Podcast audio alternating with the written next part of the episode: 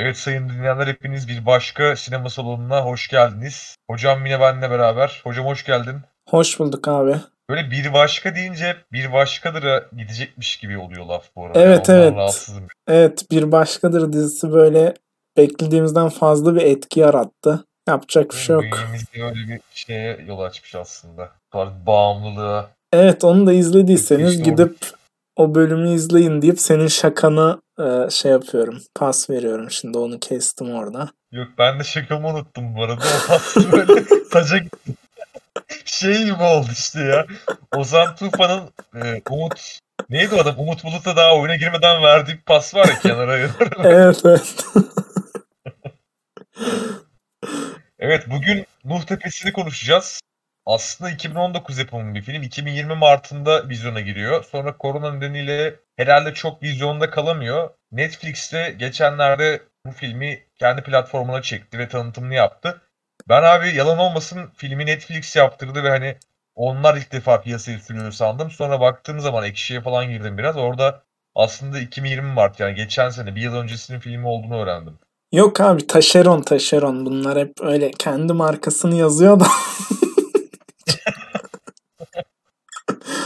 Bu arada ben de 2019 filmi olduğunu şu an senden öğrendim. Hani bir sinema tartışmasına gelmeden önce yaptığım araştırmada ektedir demek istiyorum. Abi işte gerçekten cehaletimizle birbirimizi şey yapıyoruz, tartıyoruz burada. Bakalım kim ca- cahil diye. Ya evet hani sinema Hı. salonunu ilk kez dinleyenler varsa böyle filmin üstüne aşırı derin değerlendirmeler yapamıyoruz tabii ki ikimiz olduğumuz için daha böyle kendi dağarcığımızda eleştiriyoruz. Onu hani bir belirtelim en baştan. Evet ilk defa dinleyenler. Radyosunu şu anda açanlar için arkadaşlar bu bir e, entelektüel bir film eleştirisi programı değildir bu arada. Burada yeri gelir küfür de olur, yeri gelir ne bileyim seviyesiz şakalar da olur filmle alakalı veya alakasız. Bunlara alışacağız. Diyorum hocam ve senin notlarını aldığını görüyorum daha doğrusu bana söyledin. İstersen ne yapalım senden mi başlayalım? Notlardan ziyade şöyle bir nokta açtın abi. Entelektüel değildir, yeri gelir küfür de olur dedin. Şimdi bu izlediğimiz film bizim biliyorsun ki aynı zamanda Siyat'ta hani en iyi ilk film ödülü almış. Onun yanı sıra yani zaten filmin kendisi de böyle buram buram ben daha sanat filmiyim falan diye kokuyor ve aşırı küfür içeriyor hocam. Şimdi küfür entelektüel değil midir demek istiyorsun sen? Bak güzel yerden geldin beni vurdun. Abi küfür işte bu tarzı böyle aşırı buram buram orta yaş bunalımı kokan filmlerde entelektüeldir. Ama ve lakin bizim gibi iki levuğun muhabbetlerinde entelektüel olmayabilir. Ha, Biz daha Recep İvedik'e kayıyoruz mu diyorsun? Zaman zaman, zaman zaman. Yani fikrin de yeri ve zamanı ve sınıfsallığı var diyebilirim burada. Abi o bu arada değinmen güzel oldu. Gerçekten Ali Atay ne sövüyor ya filmde. Harbi ya gerçekten dedim bu adamın yeni çocuğu oldu adamın filmini izleyemeyecektim. Saçma. Aşırı bağ kuran. Ali Atay'ın çocuğunu Ali Atay'dan daha çok düşünen bakış Evet, açısı böyle. Hazal Kaya aklıma Ya bu geldi. adam Bu adama nasıl dayanıyor dedim falan. Oyuncu olduğunu Ya unutmuş. Hiç mi utanmıyor? Ya ben anamın babamın yanında küfür edemiyorum. Orada koskoca Haluk Bilginer'in önünde demediği kalmadı. Ya bir de hani filmde Haluk Bilginer'e karşı da çok agresif ve saygısız ya Ali Atay. Babasına karşı. Ömer karakteri İbrahim karakterine karşı. Onun da öyle bir tutumu var. Gerçekten hani böyle bu tarz aşırı gerçek düşünen filmi saf bünyeler için biraz toksik bir etki yapabilir tabii. Evet evet Ali Atay'ın o böyle ponçik çocuğunu düşünüp hani onu böyle mi büyütecek falan diye tribe sokabilir insan. Ağzını mı öpeceksin sen karını ha?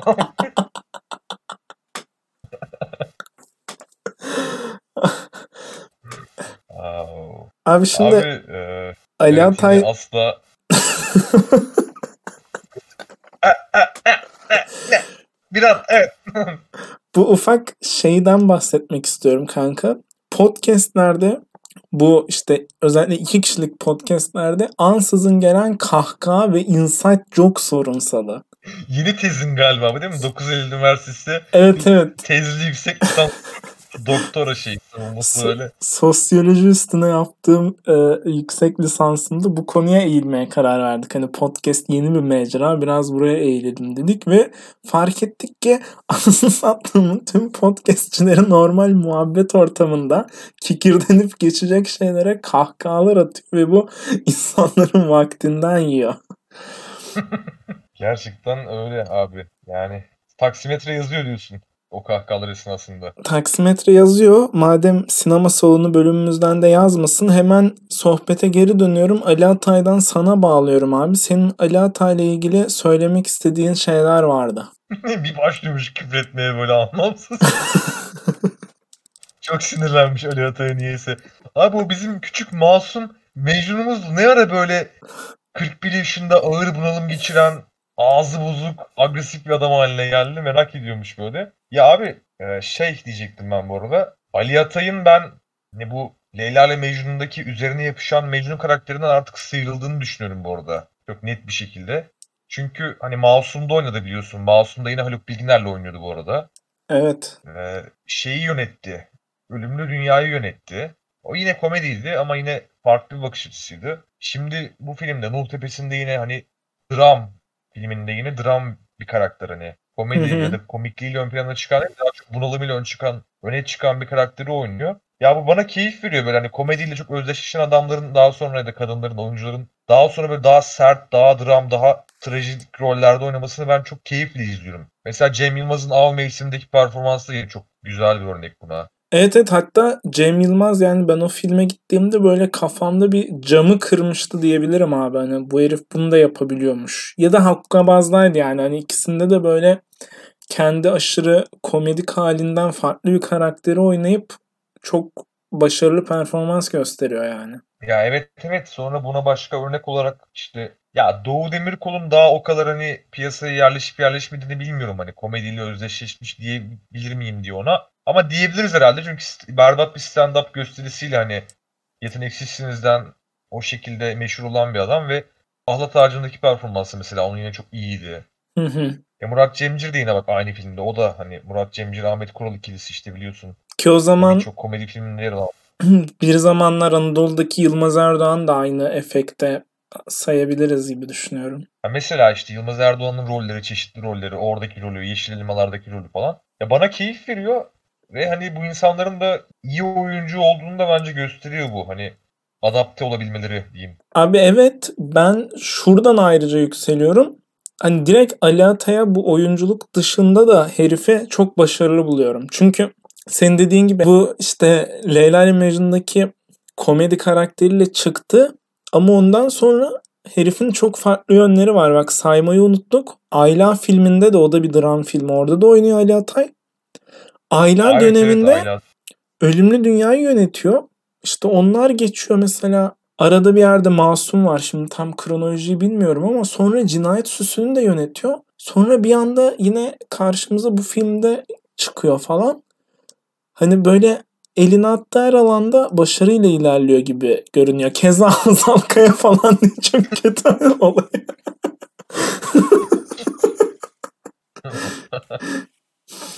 Yani tatlı bir çift diyelim. yapmıştık. Evet. Tatlı, keyifli bir çift. keyifli bir çift. Gerçekten. Ya onun dışında abi film hakkında ne düşünüyorsun? Bireysel Ali Atay övmesinden, yağlamasından eğer sıyrıldıysak. Evet Ali Atay'ı yeterince yağladıysak şunu diyorum abi. Ülke sinemamız yeni bir böyle erkek özellikle baba oğul travması kazanmış diye hissettim ben. Güzel, güzel tespit. Yine Ahlat Ağacı da mesela öyleydi. Ya Ahlat Ağacı evet e, öyleydi. Onun dışında yeni yakında yine bu tarz bir film izlemiştim ve şu anda da aklıma gelmiyor. Ya abi evet filmin de genel olarak işlediği konu yine şey hani hayatı iyi gitmeyen bir orta yaşlı bir adam. İşte 41 yaşındayım ben diye bağırıyor ya hatta bir yerde Haluk Bilginer'e. Evet evet. Yine berbat bir baba figürü var Haluk Bilginer. Hani zamanında oğlunu ve karısını terk edip gidiyor. Hatta Fransa'ya gitmiş, yıllarca dönmemiş vesaire. Ama adam bunu kabul de ediyor ve ben diyor hani şu güzel bir sahneydi, güzel bir diyalogtu. Ben diyor kötü bir adam değilim diyor. Ben sadece babalık konusunda beceriksiz bir adamım diyor. Bunu biliyordum diyor. Ve hani beceriksizliğinin farkında olan bir adama kızamazsın. Sadece ancak merhamet edebilirsin diyor. Güzel bir tespitti. Ama işte bu aslında haklı diyebileceğimiz savunma bile ne bileyim hani Ali Atay'ın o e, karakterin Ömer karakterinde hani artık katılaşmış çünkü Ömer gerçekten hani çok agresif, çok dengesiz bir adam haline gelmiş. Hani yine de bir yandan hak verebiliyor belki ama bir yandan da affedemiyor babasını. O güzel bir hani çatışma diyeyim. Yine arada- kendi de Ali Atay aslında bak. Heh, evet. Ömer karakter olarak çok başarılıydı bence. Ya tabii çok iyi yaratılmış bir karakter. Yani hem doğal hem o çatışmayı da çok iyi yansıtıyor. Bence de yani Ali Atay'ın oyunculuğu da bunda çok önemli. İyi yazılmış ve iyi oynanmış bir karakter. Kesinlikle mesela diğerleri bence öyle değil. Yani gerek baba gerek eski eş gerek imam hiçbiri onun kadar böyle komple değil. Yani e, böyle mi olması gerekiyordu belki de bilmiyorum. Hani filmde amaçlanan şey zaten onların yanında kalıp Ömer'in parlamasıydı belki de tabii. Ya evet evet şey gibi işte bir basket takımında hani bütün takımın bir adama çalışması vardır ya işte hani şeydi bu neydi bir sayı kralı olan bir adam vardı. A- Yani aynen. Russell Westbrook. Yani Russell Westbrook gibi olmuş gerçekten Ali Atay orada. Bence güzel bir noktaya değindin abi. Hani filmin bazı noktalarını eleştireceksek eğer mesela çok havada kalması bazı şeylerin diyecektim hani. Mesela Ömer'le Ömer'in karısı Elif miydi Hande Doğan Demir'in karakteri? Hatırlamıyorum adını Galiba da. Elif'ti. Evet tamam Elif'miş. Elif hamile mesela boşanma aşamasına gelmiş bir çift var. Artık hani hatta yani ikisi de aynı ortamda bulunmuyor işte. Ömer babasıyla beraber köye gelmiş durumda. Kadın diğer tarafta hamile ama boşanmak üzereler falan. Hani niye mesela onların ilişkisi o noktaya geldi? O işte Haluk Bilginer niye kaçmış? İşte ya da ne bileyim Ali Atay'ın annesi işte benim annem işte kendi kollarımla can verdi falan diyor. Ya birçok nokta belirsiz aslında. Hani bir şeyler olmuş, yaşanmış ve belli bir noktaya gelinmiş ama onları pek de anlatmıyor. Sadece birkaç diyalogla üzerinden geçiyor yönetmen. Bu belki de bilinçli bir tercihti. Belki de sadece o Ömer'le babası arasındaki o köydeki hani kısıtlı zamana odaklanmak, ona hani yoğunlaşmak istediği senaryo. Hani bunu eğer hedefledilerse bunda başarılı oldular tabii. Hani bir yandan eleştirilecek bir yön, bir yandan da hani saygı duyulacak bir tercih. Ben bununla ilgili önce şunu söyleyeceğim. Bence filmin ana konusu yaratıcıydı kanka.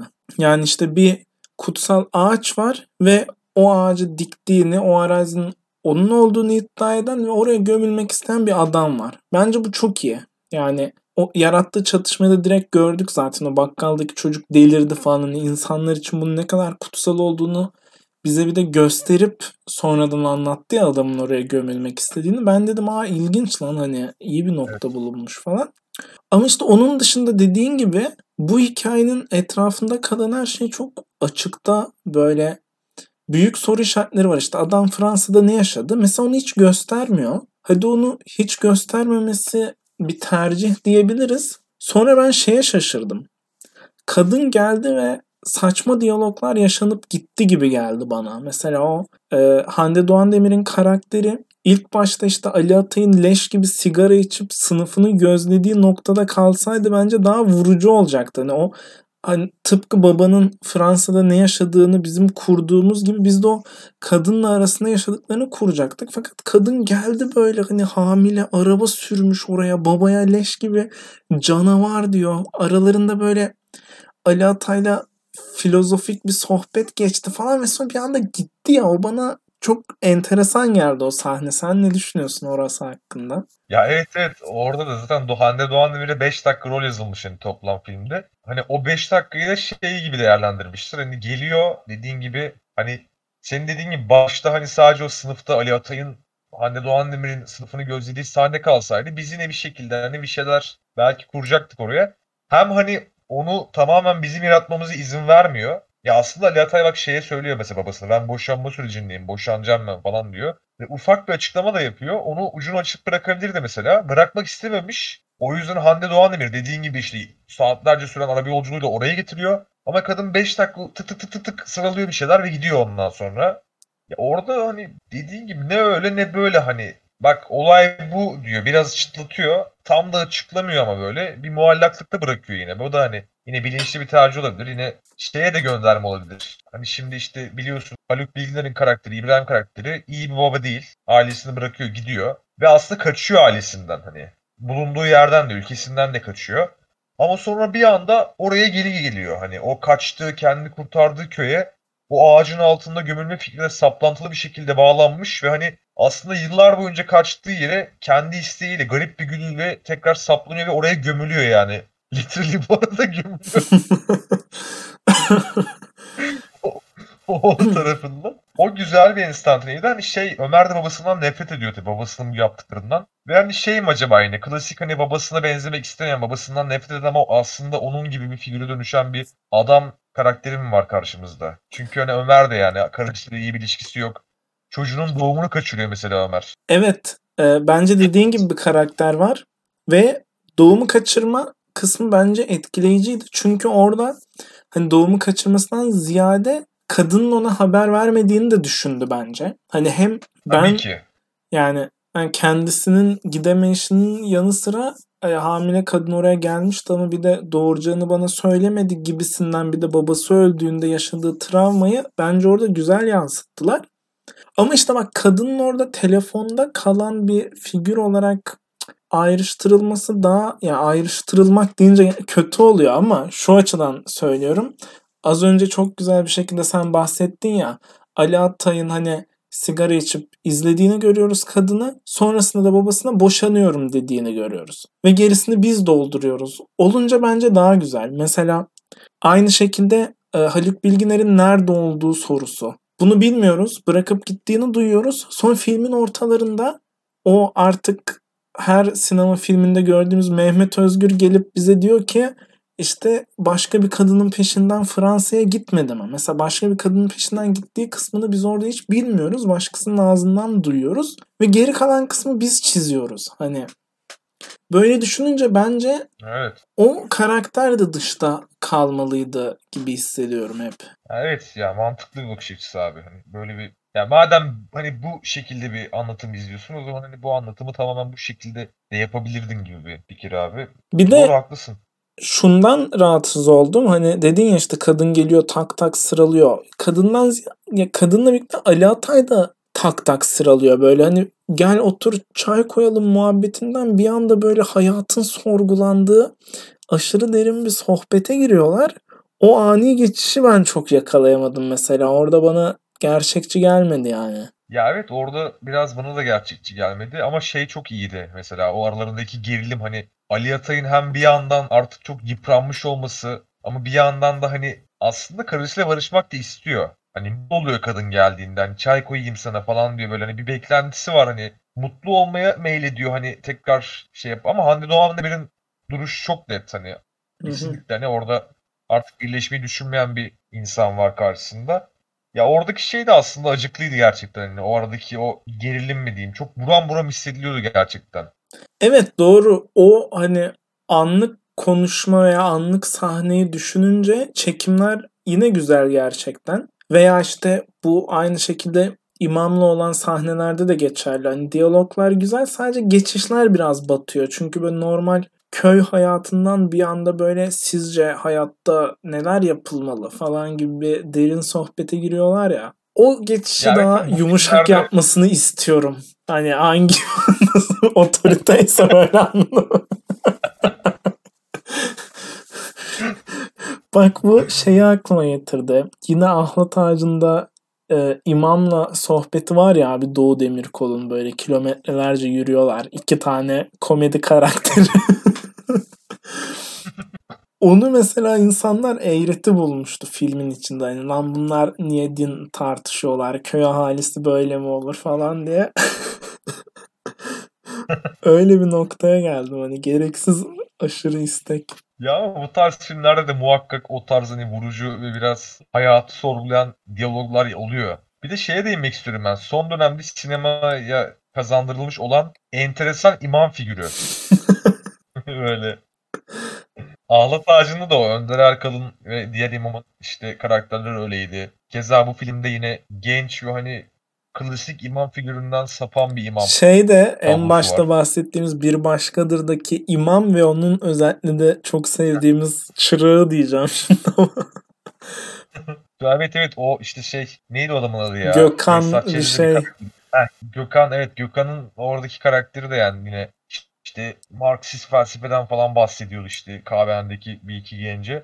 Evet bu tarz hani biraz hani entelektüel mi diyeyim artık imam figürü son dönemde kazandırıldı abi. Umarım yani ülkede de bu gerçekliktir yani. Umarım. ya sonra abi gerçek haberlere bakıyorsun işte. Cinci imam geldi işte hem kocasını hem karısını bilmem ne yaptı falan diye haberler görüyorsun. İnsan hani o ikisini bağdaştıramıyor. Evet ben bu konuyla ilgili sana şunu soracağım. Şimdi filmin şöyle olduğunu düşünüyorum kanka. Bizim izlediğimiz işte taşrada geçen sanat filmleri var ya gerek senle de konuştuk işte Emin Alper'in kız kardeşleri vardı. Gerek işte Nuri Bilge Ceylanlar var falan. Hatta bu kız kardeşlerdeki şey arabanın arkasından çekilen görüntü çok o filme etki ediyordu. Bu filmde de vardı dikkat etmişsindir. Evet evet ettim. Aklıma geldi gördüğümde. İşte bu tarz filmlerde bir gerçekçilik güdüsü oluyor ya. Bana bu filmde o az gibi geldi. Şöyle açıklayacağım sana. Hani mesela köylüler ya da en azından o e, köyün kapitalisti işte Mehmet Özgür'ün tayfası hep köyü korumaya çalışıyor ve mesela bu imam bu köyü koruyacak bir tip değil yani. Köylülerin seveceği bir tip değil. Ama bizim gördüğümüz kadarıyla çok bulilenmiyor. Hani en azından şeyleri Ali Atayları gördük evleri taşlanıyordu falan. Bir bu var bence sorgulanması gereken. İkincisi de şey var abi. O ağacın korunuyor olmaması. Hani yani Türk mantığıyla düşününce şimdi akla şey geliyor. Yani o işte Haluk Bilginer'le Ali Atay'a mı kalmış bu ağacı kesmek, yakmak? Zaten şimdiye kadar onun çevresindeki her şeyi toplar ederlerdi bekçi mekçi yoksa diye benim aklıma geliyor.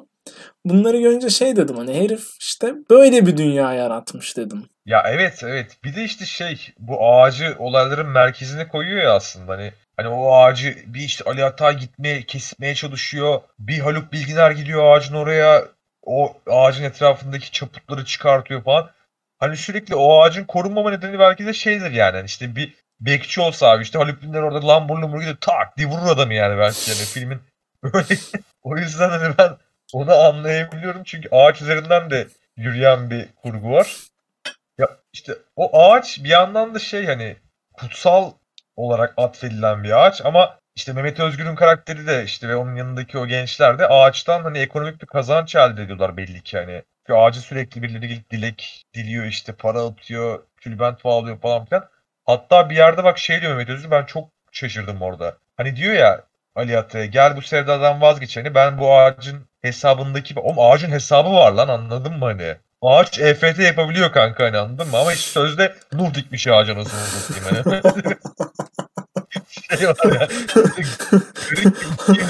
yani. yani. Ağacı böyle işte ilk kanka şey olur ya hani böyle işte kahve dünyası zinciri aslında ilk bu kahvede başladı falan. Bu da şey kanka o Evergreen'in falan olduğu aşırı büyük denizler arası o ticaret zincirinin sahibi ilk Nuh'muş kanka böyle o kayığıyla birlikte. Nuh lojistik değil mi böyle?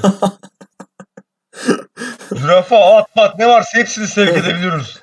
Sonra şey oluyor işte Noah Tours falan oluyor böyle büyük gemilerle deniz turları.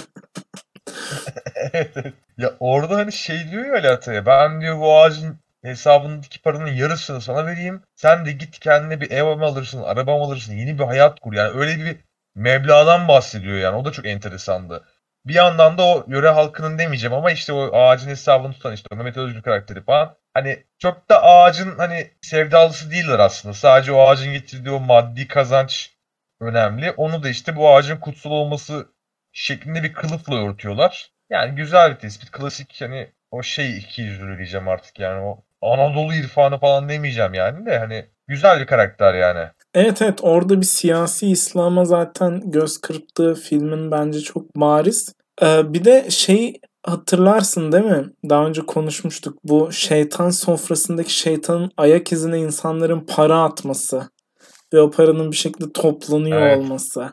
Bana işte onu anımsattı abi. Hani sonuçta günün sonunda o kutsaldan birileri bir para kazanmak durumunda yani ve şu güzeldi. Hani biz şimdi Ali Atay'ı izliyoruz ve Ali Atay babasının başına kötü şeyler geldikçe sinirleniyor ama aslında babası umurunda değilmiş gibi takılıyordu ya. Evet. Bir anda babası umurunda olsaydı bence e, gerçekçiliği azaltırdı fakat araya para girdi. Hani Ali Atay parayı da gördü ve dedi ki lan burada daha da fazla bir şey olmalı. Ondan sonra devam etti gibi yorumladım ben olayı biraz da.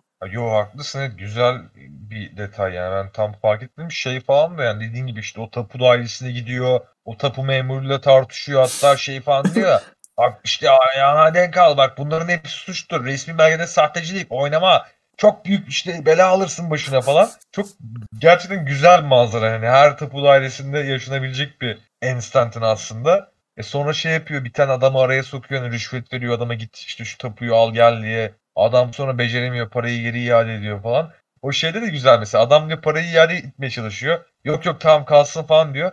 Yok al diyor iyi o zaman ver falan deyip alıyor mesela parayı. O da yine hani hayattan bir sahne yani. Evet evet doğru onları güzel yakalamışlar ve şeyleri de yakalamışlar. Hani herif beceremedi gibi değil de herife becertmediler gibi. Çünkü şeyi sorguluyorsun orada. Lan bu Ben saatte öyle. Evet. hava yağmurlu niye geldi çocuğuyla falan filan o e, vibe'ı iyi vermiş yani. Aynen ben de o fikri şey ben de o fikri düşündüm yani. Hani bu adama belli ki birileri ya gözdağı verdi ya bir menfaat verdiler. Hani becertmediler yani dediğin gibi. Aynen filmin büyük resmi Ya oydu aslında herhalde ya. Ya evet evet o da şey işte ya hani aslında bir yandan da yani bir yerden tamam mı sen kökenin oraya dayansa bile abi hani gözden uzak gönülden de uzak derler ya sen orayı terk ettiğinde ki küçük bir yerleşkeden bahsediyoruz hani küçük böyle Anadolu kasabalarında bu çok daha belirgindir. Orada abi bir kemik bir yapı vardır aslında oranın bir yaşantısı bir düşüncesi bir gidişatı vardır ve sen hani sonra buna dışarıdan müdahale etmeye çalıştığında orası hani muhafazakar bir tavırla koruma refleksi gösterir ve hani sen işte aslında filmin ana konusu da oydu. Haluk Bilginer hani evet kökeni o köye dayanıyor ama yıllarca oraya vuramıyor. Orayı bırakıyor gidiyor. Oraya döndüğünde oranın çok da kutsal atfedilen bir değerini aslında müdahale etmeye çalışıyor. Ve yani bu uğurda hem yıpranıyor hem bir ton tatsızlık yaşanıyor. Ya en sonunda ölüyor işte yani. Bir böyle şey nefes almak istedim. İntihar mı ediyor? Ne oluyor mesela? Ondan anlamıyorum. İntihar etmiş desem hani o şekilde bir intihar olabilir mi? Kendini mi asmış yani? Derede, dere yatağında buluyorlar adamı. Hı hı. Ben onu da tam çözemedim. Hani nasıl öldü? Hani kendini mi öldürdü? Biri mi şey yaptı falan ne? Ya sonuç olarak yani yine de o müdahaleyi edemiyor abi. Anca işte orada hani dirisi değil hocam ölüsü orada hani bir yer edinebiliyor. Ya Ali Atay'ın da çok zaten sikine değil yani o köy mü hani adam muhtemelen babasını gömdükten sonra o da basıp gitmiştir yani veya o tapunun peşine mi düştü artık bilmiyoruz tabii orayı göstermiyor yani de. Ya düşmüş de olabilir. Çünkü bir yandan da şeyi izliyorsun ya hani benim hayatımda hiçbir şey yok lan diyen bir herifin işte hayata son tutunma çabası olan eski karısını ve çocuğunu kaybedişi o sırada işte bunlar olurken köy ona köydeki onu tetikleyen olayların ona bir amaç vermesi falan derken günün sonunda belki kalmış bile olabilir orada yani, Yani çok sinirlenip anladın? Öyle bir tip ya böyle her şeyi sövüyor falan. Değil mi lan aslında hazır ev var orada. Yani yaşadığı yerden kilometrelerce uzak ücra bir köy. 82 kasa 83 mü plakası öyle bir şeydi hatta. 84. 84 mü? Ben onu görünce şey oldum lan burası ne oldum tamam mı hani sanıyorum ki 74 çünkü hayalimi kasaba yaratsam abi ben plakaya 82 derim herif 84 demiş o kadar yok orası yani. evet evet. Türkiye birkaç tane şehri almış herhalde abi Evet, işgal evet. yoluyla. Kerkük olabilir tahminen. Gidişat da o tarafa doğru yani. Evet evet. Bak şey detayını bir övmek istiyorum abi. Haluk Bilginer hani kendi baba travmalarımızı mı tetikleyeceğiz bilmiyorum da çok şey çok iyi bir baba figürüydü şu açıdan. Hiçbir şey söylemiyor ve herif yanında tapuyla geziyormuş aslında. Veya ne bileyim işte oğlunu başka dertlerle ilgilenmeye sa- salıyor. Kaymakam oraya gittiğinde laps diye herifi kitleyip olaydan bahsediyor falan hani anladın mı? Hiç beklemiyorsun böyle. Evet o baba ketumluğu var değil mi adamda? Kafasında bir plan var. Onu hani yok. Ki uygulayacak hani onu ve önüne çıkan her engeli bir şekilde bertaraf ediyor böyle. Kanal İstanbul'u diyor. İsteseniz de istemeseniz de yapacağız diyor ve gömüldü işte oraya adam. Evet güzel baba figürüydü ya dediğin gibi. Başka karakter olarak kim var diye düşünüyorum filmde. İmam karakterinden bahsettik yine. Abi işte Doğan İmam vardı. Mehmet Özgür eski Mehmet eş. Hani kalmadı gerçekten. Mehmet Özgür'ün asla zapt edilmeyen oğlu vardı hani. Belki onu sayabiliriz. Dayağa doymuyor değil mi böyle? Ve şey işte aşırı dindar ama dindarlığı hani üçüncü tetiklenmeye kadar. Orada direkt soyuna sopuna sövmeye başlıyor. Ya Ali Atay da çok hani ters bir karakter ya bir yandan. Ben dedim bu herifi dövecekler yani bir yerde ama adam haldır uldur hiç düşünmüyor.